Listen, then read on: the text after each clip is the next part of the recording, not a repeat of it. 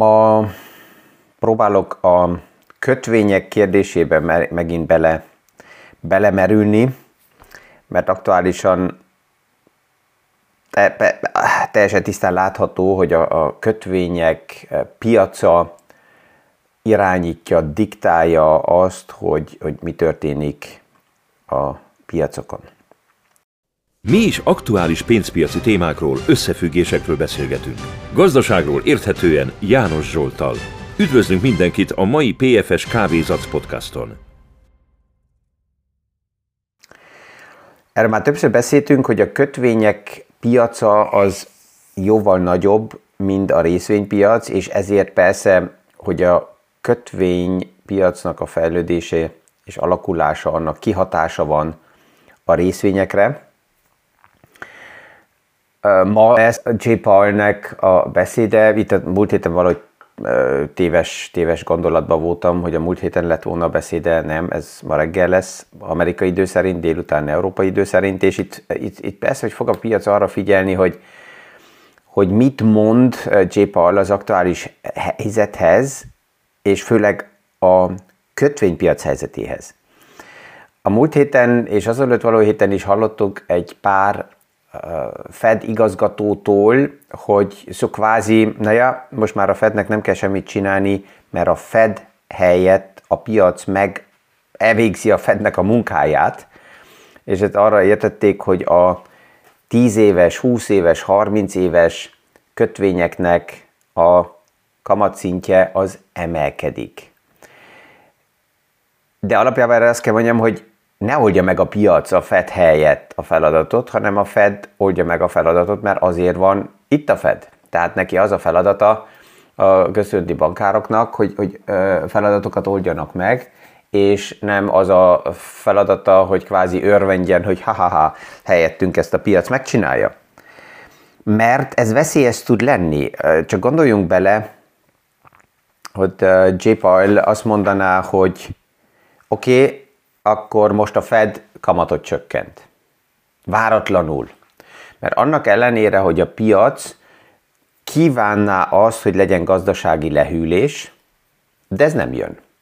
Egyre erősebb a gazdaság, és azt is tudja a piac, hogy a központi bankok akkor fogják a kamatot csökkenteni, ha valami csontváz kiesett a szekrényből.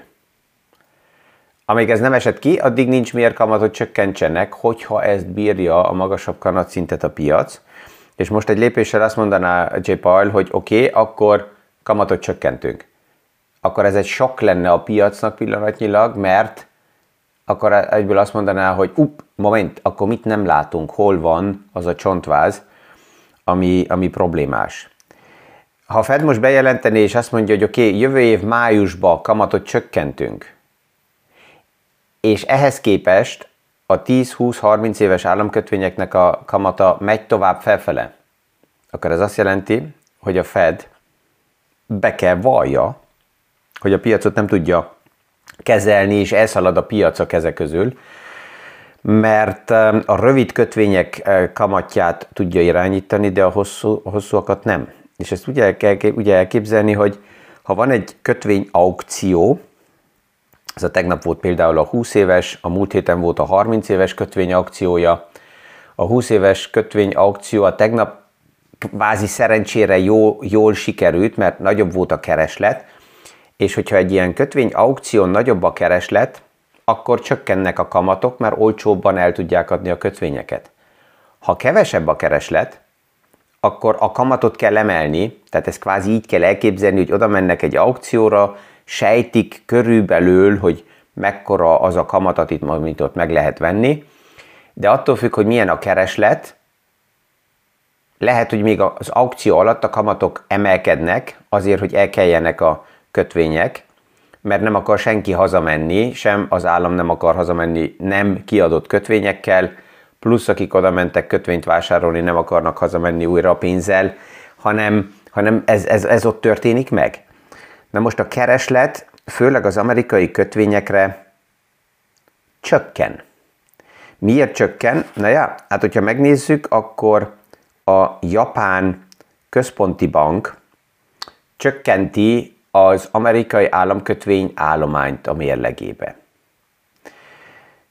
De ezt csak lassan akarják csökkenteni, mert hogyha gyorsan csökkentik, akkor kevés a kereslet, ha kevés a kereslet, ugranak a, rész, a kötvénykamatok nagyon erősen. Kína már egy jó ideje csökkenti az államkötvények állományát, és a Fed, az amerikai központi bank is egy jó ideje csökkenti az amerikai államkötvény állományát, ugye a QT programmal, a tightening programmal, azzal csökkenti az állományt államkötvények ótaláról, tehát ami államkötvény lejárt, azt nem vásárolják újra meg. És ez azt jelenti, hogy elég lényeges oldal, oldalakról a kötvénykereslet csökken. Ez sajnos nem azt jelenti, hogy akkor kevesebb kötvényeket bocsájtanak ki, mert az eladósodási szintek emelkedése miatt nagyobb a kínálat. Tehát egyre több kötvények vannak a piacon. Amerikai program most egy új, amelyik jönni fog, ez a 100 milliárd dollár nagyságrendű emergency package, ami jön, amiben benne van az ukrán támogatás, benne van az izraeli támogatás, benne van az, a saját um, határok uh, biztonság tételének a likviditás igénye, 100 milliárd dollár, ez miből lesz finanszírozva? Hát kötvényeken keresztül. És csak gondoljunk bele, hogy mi történt volna, hogyha Joe Biden azt a 3 billió dollár nagyságrendű tá- gazdaság támogatási programját megvalósíthatta volna, amit ugye elutasította azután a kongresszus és a szenátus is, és ez nem sikerült. Most ezeknél a paramétereknél erős az amerikai gazdaság, mennyivel durván erősebb lenne pluszba, hogyha az a csomag még jött volna, de hát ugye azt valamiből meg kell financírozni, akkor az eladósodási szint még nagyobb lett volna, a kínálat kötvényeken keresztül még nagyobb lett volna, a kereslet alacsony, a kamatok még magasabbak kellettek volna legyenek. Tehát ez az, amit ha valaki így, így, így nézi a kötvénypiacot, akkor felteszi azt a kérdést, hogy valójában pillanatnyilag miért, mi az oka annak, hogy a, a, a kötvény kamatok emelkednek. Azért emelkednek, mert a Fed megváltoztatta a kommunikációját, és ennek van egy kihatása a kötvény oldalán, és ezzel akár ez a Fednek tetszik is, mert akkor nem kell ő kamatot emeljen, de a piac mégis emeli a kamatot. Vagy azért emelkednek a kamatok, mert um, túl nagy a kínálat, kevés a kereslet, és kell emelkedjenek a kamatok, mert ha nem, nem venni ezt a piac meg.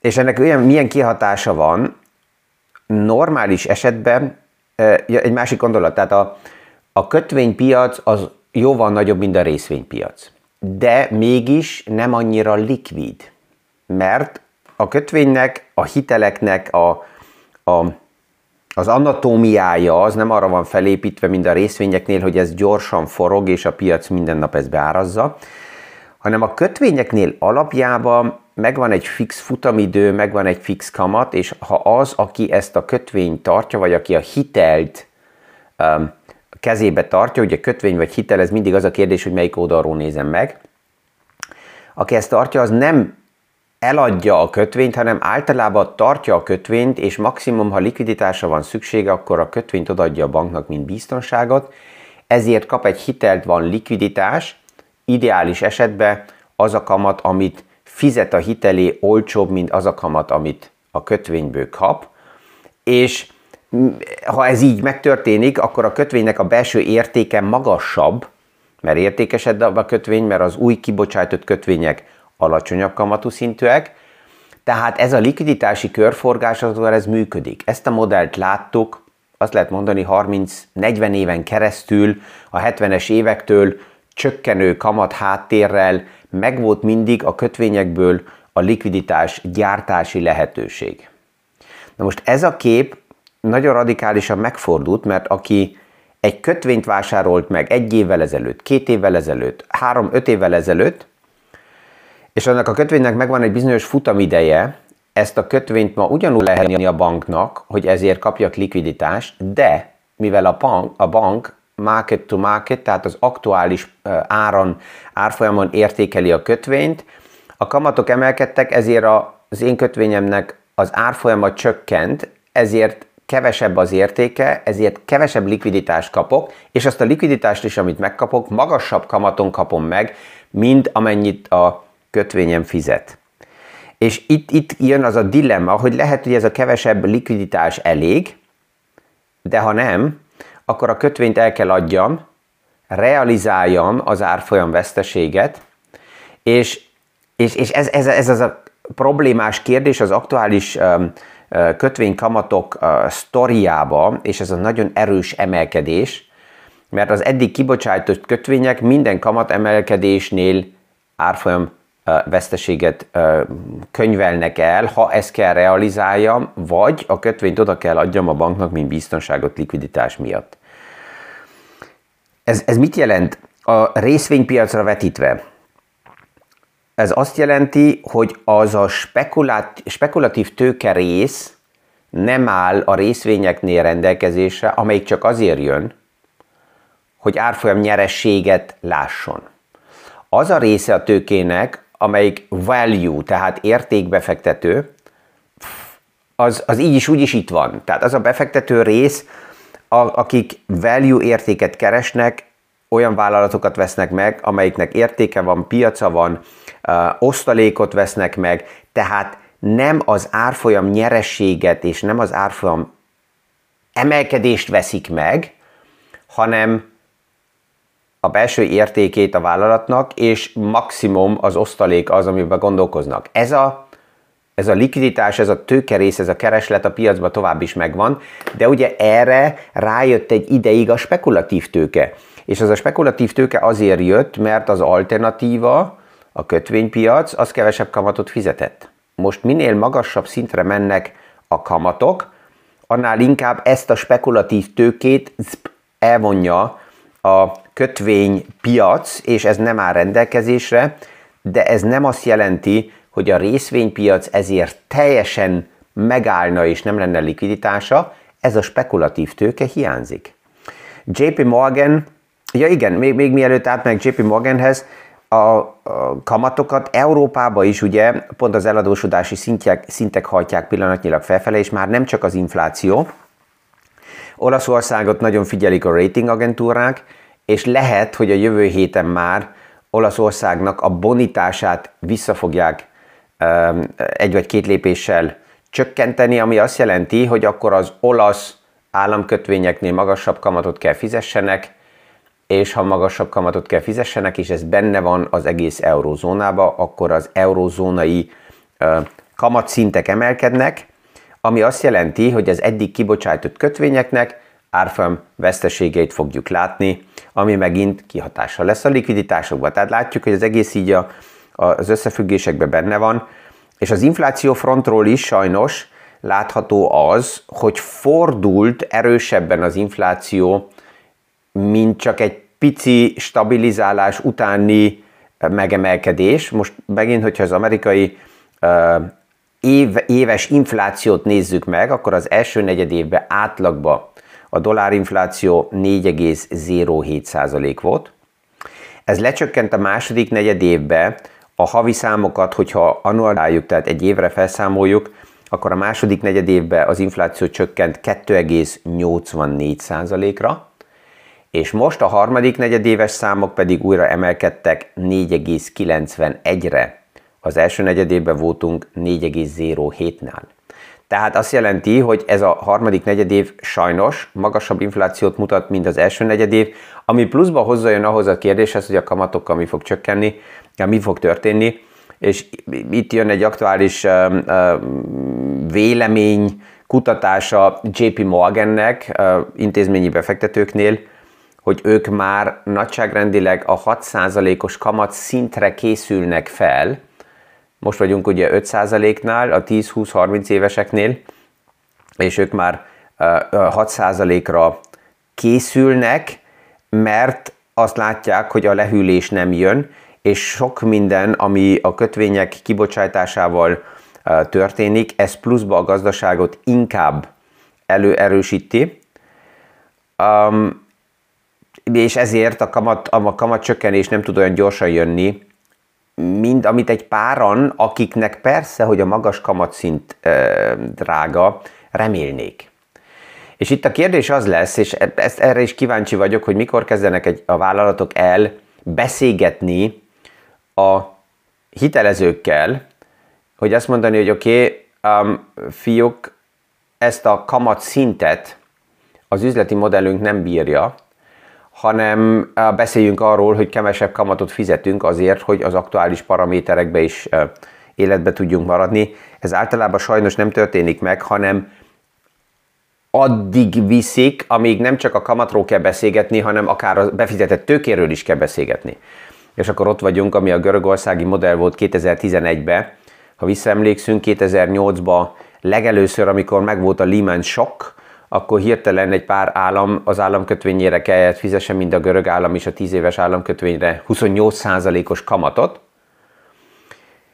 és egy-két évvel uh, tovább nem csak arról kellett beszéljen a befektetőkkel, hogy akkor a 28%-os kamatot nem tudjuk fizetni, hanem arról is beszéltek, hogy legyen egy haircut, tehát a befektetett összegnek csak 20%-át tudjuk visszafizetni, mert a, a, a többit ki se tudjuk termelni. És itt ez a kérdés, hogy ha már hamarabb beszélgettek volna, és csak a kamatot csökkentették volna, akkor esetleg az alaptőkét meg tudták volna finanszírozni, és a, a kamatot a, a, csökkentették volna, hogy ez működött volna-e. De ez a kérdés, hogy mikor fognak elkezdeni olyan vállalatok, amelyikek az üzleti modellük nem egészséges, nem tudják kitermelni a kamatot, és esetleg a befektetett tőkével is probléma van, hogy itt mikor kezdődik el az a, az a vita, hogy akkor beszéljünk a befektetőkkel arról, hogy hogy, hogy, hogy tudjuk ezt a helyzetet megoldani. A, az anonim nagy tőkepiaci finanszírozásnál ez nem tud megtörténni, mert ugye az államkötvényeknél ott, ott például nem ismeri az állam, hogy ki az, aki megveszi a kötvényeket, tehát ott egy ilyen vitába, egy ilyen beszélgetésben nem lehet belemenni. Ez ott nem is fog megtörténni, mert a tőkepiac itt nagyon kemény inkább vállalati kötvényeknél, vagy olyan hitelezőknél, aki direkt ismer a vállalat, ott tud ez elindulni, hogy akkor leülnek és megegyeznek, hogy mi lehet ez a deal. Országos szinten ugye a bankokkal ez megtörtént Görögországnál is, ez a haircut, de kisebb vállalatoknál ez még egyszerűbben meg tud történni, mert általában a vállalat tudja, hogy ki az, aki őket finanszírozza, és, és ott erről tudnak beszélni.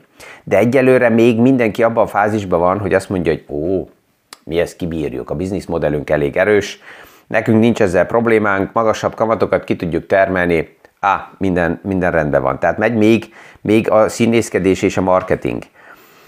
Um, én úgy érzem, hogy a kötvénypiac egy jó ideig tovább foglalkoztatni fog, pont ezért, mert az elmúlt években is sokan, amikor elindult a bizonytalanság, akkor keresték azt, hogy oké, okay, akkor megvásárolok kötvényt, és minden rendben van, nem kell semmivel foglalkozzak, és persze, hogy a kötvényeket tartók is látják azt, és rájönnek, hogy ez igaz, hogy egy nagyon nagy piac, de egy problémája van, illikvid, plusz a másik problémája, hogy az, azt a kötvényt is ki kell termelje a bizniszmodell, és ugye a bizonytalanság tovább megvan, az látjuk abból az oldalról is, hogy a, az aranyára emelkedik, az olajára emelkedik, az amerikai dollár erősödik, mert ha bizonytalanság van, akkor a globális tőke áramlik a dollárba. És ennek ellenére, hogy ez áramlik ide, kevés a kereslet az amerikai államkötvényeknél, és ez oda vezet, hogy a kamatok kell emelkedjenek. Ha már pont a tegnap mivel emelkedett a dollár, vagy volt a kereslet, ez segített például a 20 éves államkötvénynél, hogy nem, nem ment olyan erősen fel a kamatszint. És a végén még egy érdekes uh, csárt jelent meg, ami, amit kézbe veszek, de uh, látjuk azt, hogy, hogy a valóság mögötte hiányzik. Um, valamelyik felületen egy olyan beharangozás, hogy akkor jövő héten hétfőn fog jönni a Nesteknek a crash napja, és ez honnan jön az ötlet? Hát összehasonlítva 1987-tel pont a jövő hét hétfő lehetne a fekete hétfő, és annak idején is egy olyan összefüggést um, ástak ki valahonnan, hogy először a 10 éves államkötvényeknek a kamatja emelkedett, és ez meghaladta 1987-ben a 10%-ot, most vagyunk 4,9-nél, 4,8-nál, um, és mivel emelkedtek a, a, a kötvények kamat görbéje, azután a Standard Poor's Index annak idején crashelt. Um, nem lehet kizárni, de ilyen beharangozott, napra pontos jósolási katasztrófáknál én általában szkeptikus vagyok, mert um, abban a pillanatban, amikor egy ötlet megjelenik, a piac ezt kezdi akár biztonság oldaláról is, uh, soatokkal, hegyerésekkel uh, beállítani, és ha jönne is, ez már nem lenne meglepetés, és általában ahhoz, hogy a piac egy erős sok uh, keresbe menjen, ahhoz valódi meglepetés kell jöjjön, amire nem számít, az nincs kizárva, hogy holnap nem jön egy meglepetés, főleg ebbe az egész aktuális geopolitikai feszültséges helyzetbe. Ebből a szempontból nézve ma az, az, tud, az, az reális, aki elfogadja azt a képet, hogy igen, ma is jöhet egy meglepetés, és ezt, erre fognak a piacok reagálni, ezt be fogják árazni de az a kép, hogy be van jelentve órára pontosan, napra pontosan, hogy ekkor fog ez és ez jönni, sorry. Um, ezt azért nem fogadom el, mert az árfolyamok nem azért mozognak úgy, ahogy mozognak, mert ez be van előre harangozva, hanem az árfolyamok azért mozognak úgy, mert van a piacon egy napi kereslet és napi kínálat. És ebből a kettőből része létrejönnek az árfolyamok. Ezzel a mai elég intenzív témával elbúcsúzok, kellemes napot kívánok mindenkinek, hónap reggel megbeszéljük, hogy J. Paul ma mit, mit um, mondott, hogy viselkedett, milyen volt a mimikája, és um, ja, ezzel kellemes napot kívánok mindenkinek, a viszonhallásra a hónap reggeli PFS Kávézatsz podcastig.